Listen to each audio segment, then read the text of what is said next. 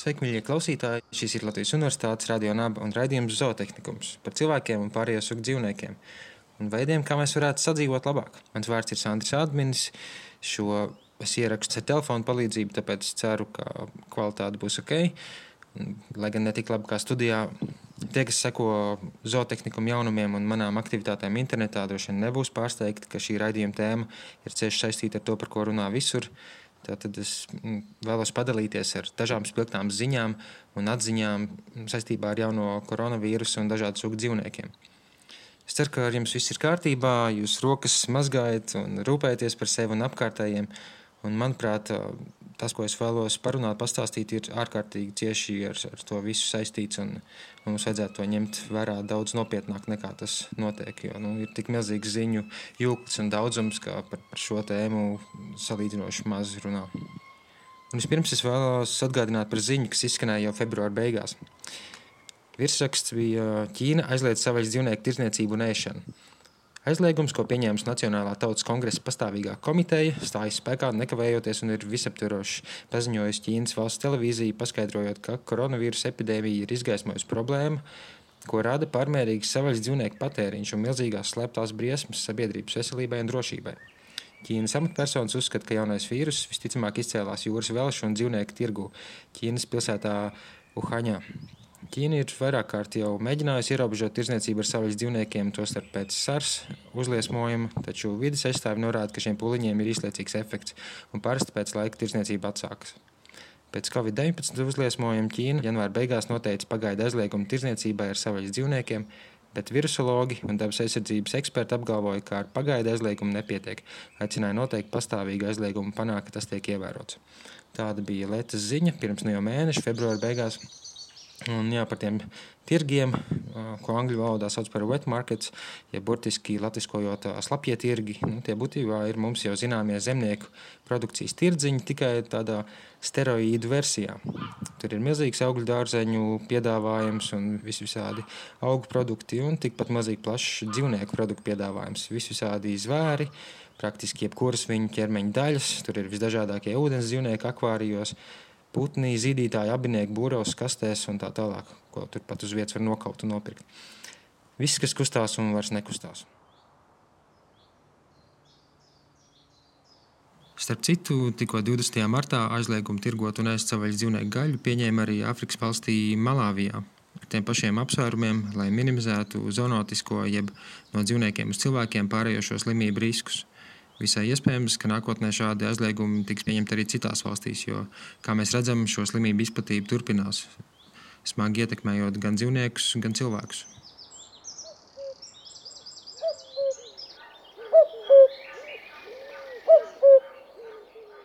Es izlasīju kādu, manuprāt, ļoti vērtīgu rakstu, no kurā nolasīšu fragmentus. Raksta autori ir Sonija Šaha, zinātnes žurnālisti un grāmatas pandēmija, izsekojot infekcijas no holēras līdz ebolai un vēl tālāk autori. Un raksts bija ar nosaukumu latviskojot. Tu domā, ka eksotiskie dzīvnieki ir vainīgi pie koronavīrusa? Padomā vēlreiz. Zinātnieki ir norādījuši uz sikspārņiem un pangolīniem, jeb zviņņšiem, kā potenciāliem vīrusu izcelsmes avotiem, taču patiesā vaina ir meklējama citur - cilvēku uzbrukumos un dabiskajai videi. Tas varētu būt bijis pangolīns vai sikspārns, vai kā vēsta nu jau atspēkot, bet iepriekš izskanējusi teorija, varbūt čūska. Centieni izsekot Covid-19 avotu starp dzīvnieku sugām ir sākusies. Atrast šo dzīvnieku izcelsmes sākumu ir izšķiroši svarīgi mīkla, ko atrisināt.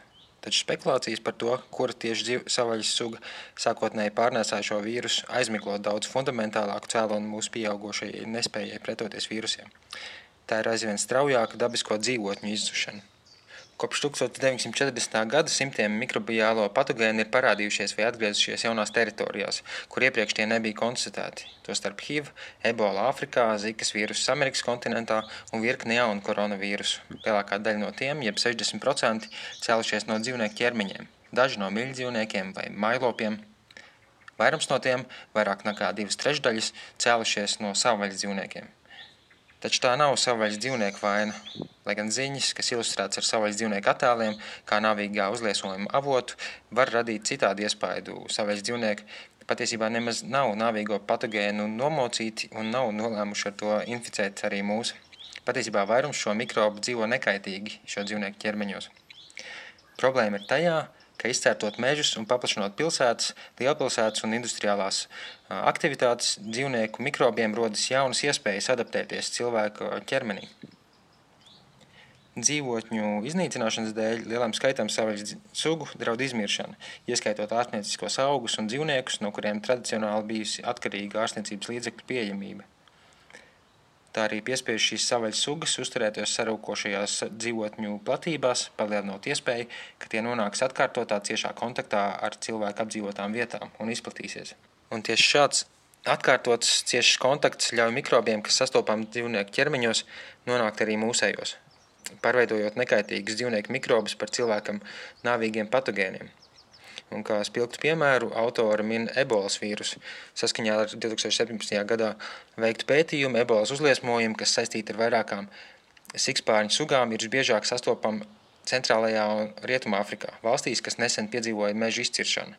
Un sikspārņu apdzīvoto mežu izzušanu viņus piespiež pulcēties piemājas kokos, lauksaimniecības ēkās, tā vairojot iespēju, ka, piemēram, cilvēks nokodīsies augli, uz kura ir sikspārņas iekals, vai arī nomedīs, nokaus un apēdīs kādu vietējo sikspārņu, pakļaujot sev mikrobiem, kas ir sikspārņu audos. Šāda saskarsme ļauj sikspārņiem nekaitīgiem vīrusiem kā ebola, nipa un marburga pārcelties pie cilvēkiem. Rakstā arī minēts, ka malārijas odi vairojas vietās, kur izcirsti koki, bet uh, turpina tagad uh, jau saules siltumā krāties stāvošs ūdens, kas ir ideāli vairošanās vieta malārijas odiem.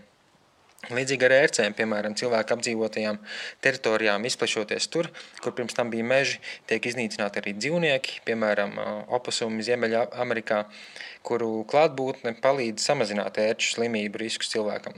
Ērču pārnēsātā laimes slimība pirmoreiz tika konstatēta ASV 1975. gadā un pēdējo 20 gadu laikā tai sekojuši jau septiņi jauni ērču pārnēsāti patogēni. Slimību riskus ceļ ne tikai dzīvotņu izzušana, bet arī tas, kas rodas to vietā. Lai apmierinātu mūsu sugas kāri pēc gaļas, mēs esam nolīdzinājuši teritoriju, kas līdzinās Āfrikas kontinentam, lai audzētu dzīvniekus nokaušanai. Daļa no šiem dzīvniekiem pēc tam nelegālā vai legālā ceļā tiek pārdoti tā sauktiem slapjiem tirgiem, par ko iepriekš stāstīju Ķīnas sakarā. Un šajos tirgos savais sugu dzīvnieki, kuri reti saskartos dabā, ir esprestot blaku, blakus viens otram, ļaujot mikrobiem pārlēkt no vienas sugas uz nākamo. Tā radās koronavīrus, kas 2002. un 2003. gadā izraisīja SARS epidēmiju, un iespējams jauni koronavīrus, kas mūs vajā šobrīd. Taču daudz vairāk dzīvnieku audzēja rūpnieciskajās fermās, kur simtiem tūkstoši individu gaida savu nokaušanu, saspiesti cieši blakus cits citam, sniedzot mikrobiem plašas iespējas pārvērsties par nāvīgiem patogēniem. Piemēram, putnu gripas vīrusi, kas celšies no savvaļas ūdensputniem, plosās rūpnieciskajās fermās, kas piebāztas ir iesprostotām vistām. Šie vīrusi mutējas un kļūst aizvien bīstamāki. Tik stabilā, noturīgā cēloņu sakarīga procesā, ka pētnieki to spēja atkārtot laboratorijas apstākļos. Viens no vīrusu celmiem ar nosaukumu H5N1, kas var inficēt arī cilvēkus, nonāvēja pusi no inficētajiem. Lai ierobežotu kādu citu vīrusu cēlumu, kas sasniedz Ziemeļameriku 2014. gadā, tika nogalināti desmitiem miljonu mājputnu.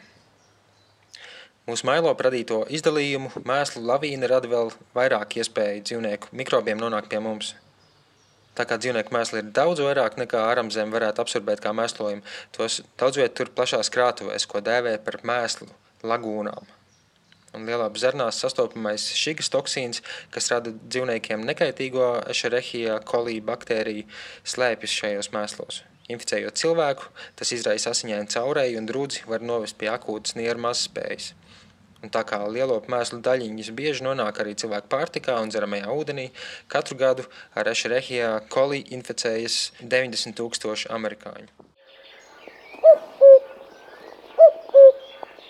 Mikrobu pārveidošanās par cilvēku patogēniem mūsdienās notiek pātrināti, taču tā nav jauna. Tā aizsākās ar tā saukto neolīta revolūciju, kad mēs pirmo reizi nolīdzinājām savvaļas dzīvotnes, lai atbrīvotu zemi lauksaimniecības augiem un iejūdzām dzīvnieku skalpībā – Šīs nāvīgās dāvanas mēs saņēmām no draugiem dzīvniekiem, kā norādījis dabas zinātnieks Džerets Demons, ieskaitot masalas un tuberkulozi no govīm, garo klepi no cūkām, gripu no pīlēm.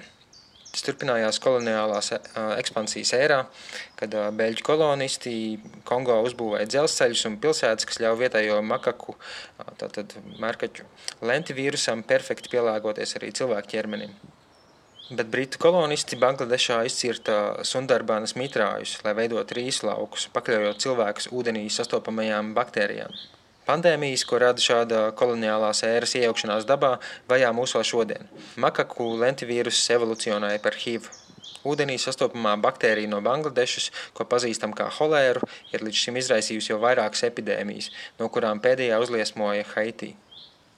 Labās ziņas ir tas, ka mēs neesam pasīvi dzīvnieku mikrobu upuri, bet pilnībā spējīgi nu, pārvērst nekaitīgus dzīvnieku mikrobus par pandēmijas izraisošiem patogēniem. Līdz ar to ir arī daudz, ko mēs varam darīt, lai mazinātu risku, ka šīs slimības izraisošās baktērijas parādīsies vispār. Mēs varam aizsargāt savvaļas dzīvnieku teritorijas, lai šie mikrobi paliek viņu ķermeņos un nenonāk mūsējos. Mēs varam veikt aktīvu novērošanu vietās, kur ir lielāka iespēja, ka mikrobi pārveidosies par cilvēku patogēniem, medījot tos, kas izrāda adaptēšanos cilvēku ķermenim un apturot tos pirms epidēmijas sākšanās. Piemēram, pēdējos desmit gados ar to nodarbojās ASV bāzētā Predict zinātniskā programma, kamēr cilvēki pārņem aizvien lielāku platību uz planētas, tikmēr Predict zinātnieki ir identificējuši vairāk nekā 900 jaunus vīrusus visā pasaulē, kas radās cilvēces izplešanās rezultātā, ieskaitot jauno paveidu SARS un līdzīgus koronavīrusus. Un šī žurnāliste turpina norādot, ka šobrīd mums priekšā rēgojas nākamās pandēmijas ēna, bet ne tikai jauna koronavīrusa dēļ. Autora asi norāda to, ka prezidenta Trumpa administrācija sistemātiski atbrīvo no ierobežojumiem industriālo būvniecību un izrakteņu ieguvi jā, no, no dažādiem ekoloģiskiem ierobežojumiem. Un tāpēc tā rezultātā var gaidīt vēl straujāku dzīvotņu iznīcināšanu, kā rezultātā dzīvnieku mikrobiem būs lielākas iespējas nonākt mūsu ķermeņos. Un tajā pašā laikā arī tiek pamatīgi nogriezts finansējums izpētes organizācijām un projektiem. Tostarp jau minētajai zinātniskajai programmai Predict un arī Pasaules veselības organizācijai par veseliem 53%. Bet uh, raksta pašā noslēgumā autora citē epidemiologu Leriju Briljants, kas reiz ir teicis, Uzliesmojumi ir neizbēgami, bet pandēmijas ir izvēles jautājums. Citādi beigas. Taču pandēmijas paliks mūsu izvēles jautājums tikai tad, ja vēlamies sagraut mūsu kaitīgo politiku tikpat naski, kā mēs sagraujam dabu un sugu daudzveidību. Gal galā pandēmijas dzīvnieciskā izcelsme nav nemaz tik mīklaina. Tas nav kāds zvīņains pangolīns vai pūkains lidojošs sikspārns.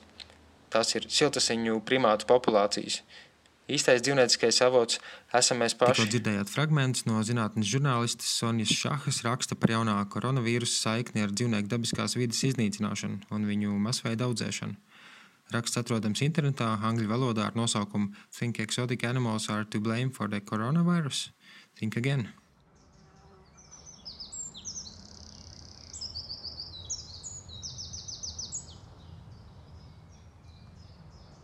Un vēl kāda ziņa no pagājušās trešdienas LTV panorāmā bija sižets kravas iestrēgts uz polijas robežas. Pie polijas robežām bija izveidojušās milzīgas smago mašīnu rindas, jo notika stingrāka kontrole, tika mērīta šoferu temperatūra un tā tālāk. Un vienā vietā pat tāda rinda bija apmēram 60 km garumā. Un visai iespējams, ka vairākas no šīm kravas mašīnām uh, veda iesprostot uz dzīvniekus pārdošanai vai kaušanai, cūkas, govis, aitas un, un citus. Jo, nu, šajā pašā panorāmas sižetā varēja vismaz vienu šādu mašīnu redzēt. Cik man zināms, šajos furgonos viņiem nenodrošina ne ēšanu, ne dzirdināšanu ar ūdeni, un viņiem nākas dzīvot savos mēslos, jebkuros apstākļos, gaidot brīdi, kad viņus izdzīs laukā no tā furgona, iespējams, pat no iekšā lopkautuvē. Un šādu dzīvnieku transporta furgonus trīs stāvos mēdz arī piekraut ar līdz pat 180 cūkām, kā saka paši dzīvnieku transportētāji. Varat pamēģināt iztēloties, kā ir tādā situācijā pavadīt entās stundas. Un pat ja šoferi gribētu palīdzēt, ko, ko gan viņi var šajā situācijā iesākt, stāvot sastrēgumā uz, uz lielceļa. es esmu pārliecināts, ka mēs kamēr turpinām masveidā audzēt un ēst dzīvniekus, viņi arī turpinās masveidā ciest, gan atbilstoši cilvēku iecerēm, izējot cauri visiem tiem procesiem, tā skaitā nokaušanai, gan visādās šādās negaidītās avārijas situācijās. Turklāt viņi cieši vairāk nekā mēs spējam iztēloties, jo mēs tik maz par to zinām un tik maz redzam, kas notiek ar šiem dzīvniekiem, jo tas parasti ir slēgt, slēgtā teritorijā vai aiz, durvīm, sienām. Pat ja interesējamies, neko daudz nevaram uzzināt, kas tur reāli notiek. Un varbūt šis laiks ir tiešām piemērots tam, ka mēs mēģinām saprast labāk augu valsts pārtikas sistēmu, kā tas strādāt un kā mēs varam to integrēt savā dzīvē, eksperimentējot, iedziļinoties informācijā, izglītojoties. Jo, nu, būtībā katrs cents, ko mēs samaksājam par dzīvnieku izcelsmes produktiem, galu galā finansē to, ka šiem dzīvniekiem ir jāpārcieš visā šajā ražošanas garajā ķēdē. Bet šīs polijas ziņas sakrā gan ir arī mazliet pozitīvs turpinājums. Vietējo poļu dzīvniektiesību aktīvisti par to samērā laicīgi uzzināja, arī varas iestādes tika informētas un, un tad nodrošināja šiem smagajiem auto, kas ved dzīvniekus, tā saucamo zaļo koridoru, jeb ceļu turpināšanu bez rindas, lai tiktu ātrāk uz priekšu.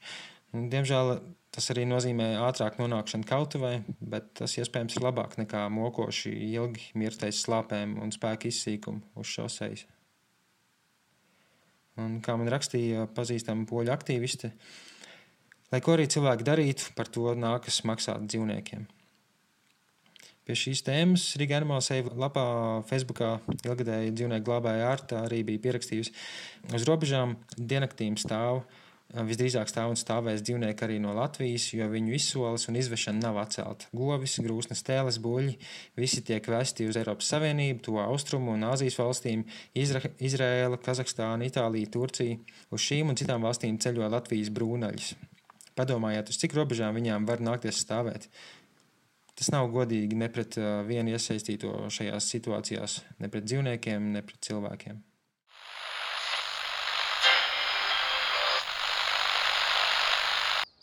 Interesants, ka arī slavenā primatoloģija šimpanzu pētniece Džēna Gudola arī ir izplatījusi paziņojumu par dzīvniekiem un koronavīrusu. Piedāvāju jums noklausīties šo ziņu viņas pašas balsī. Hello, this is Jane Goodall. And I want to send a message to the Chinese people who are suffering so terribly from this outbreak of the coronavirus. It is a truly terrible time you're going through, and my heart is with all who are sick all who have lost loved ones. I just hope and pray that the nightmare will soon be over. I also hope and pray that the nightmare may end for the wild animals who are captured and kept in horrible conditions for food. Or because some people believe that various animal parts can be used to cure diseases or give people strength and virility. Because animals, bears, pangolins, civets, bats, rhinos, and so on, they all have feelings just like us. Like us, they suffer pain. Like us, they know fear, loneliness, and despair. All over the world, we've been destroying the places where animals live in order to get materials to build our homes, our cities, and to make our own lives more comfortable. And as a result, we've brought the climate crisis on ourselves. Many species of animals and plants have become extinct, and our too close relationship with wild animals in the markets or when we use them for entertainment has unleashed the terror and misery of new viruses. Viruses that exist in animals without harming them, but mutate into other forms to infect us with new diseases like Ebola, SARS, MERS, and now the coronavirus. We have amazing brains. We're capable of love and compassion for each other. Let us also show love and compassion for the animals who are with us on this planet. Let us all live in peace and harmony together. Thank you. Tātad īsumā viņi saka to pašu, ko Sonja Šaha iepriekš dzirdētajā rakstā. Viņi norāda, ka daudzas bīstamās pēdējo gadu slimības un to izcelsme ir cieši saistīta ar dzīvniekiem un to, ko viņiem nodarām. Un uh, Gudola lūdz mums visiem piemītošo spēju spriest un spēju just līdzi, pielietot ne tikai palīdzot līdz cilvēkiem, bet arī citām būtnēm, ar ko kopā dzīvojam uz šīs planētas. It kā tik vienkārša doma, bet cilvēks tomēr rīkojas tik ļoti pretēji.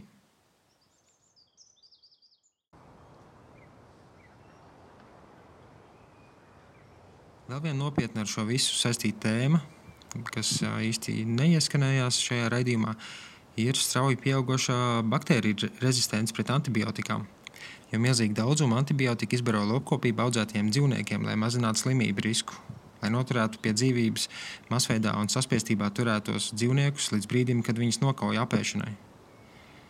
Pasaules mēroga veselības eksperti ir brīdinājuši, ka tā rezultātā tuvākajos desmitgadēs aizvien vairāk izplatīsies mikroorganismi, pret kuriem mēs vairs nespēsim cīnīties ar medikamentu palīdzību. Tas var nozīmēt daudz, daudz nāvējošākas epidēmijas par pašreizējo.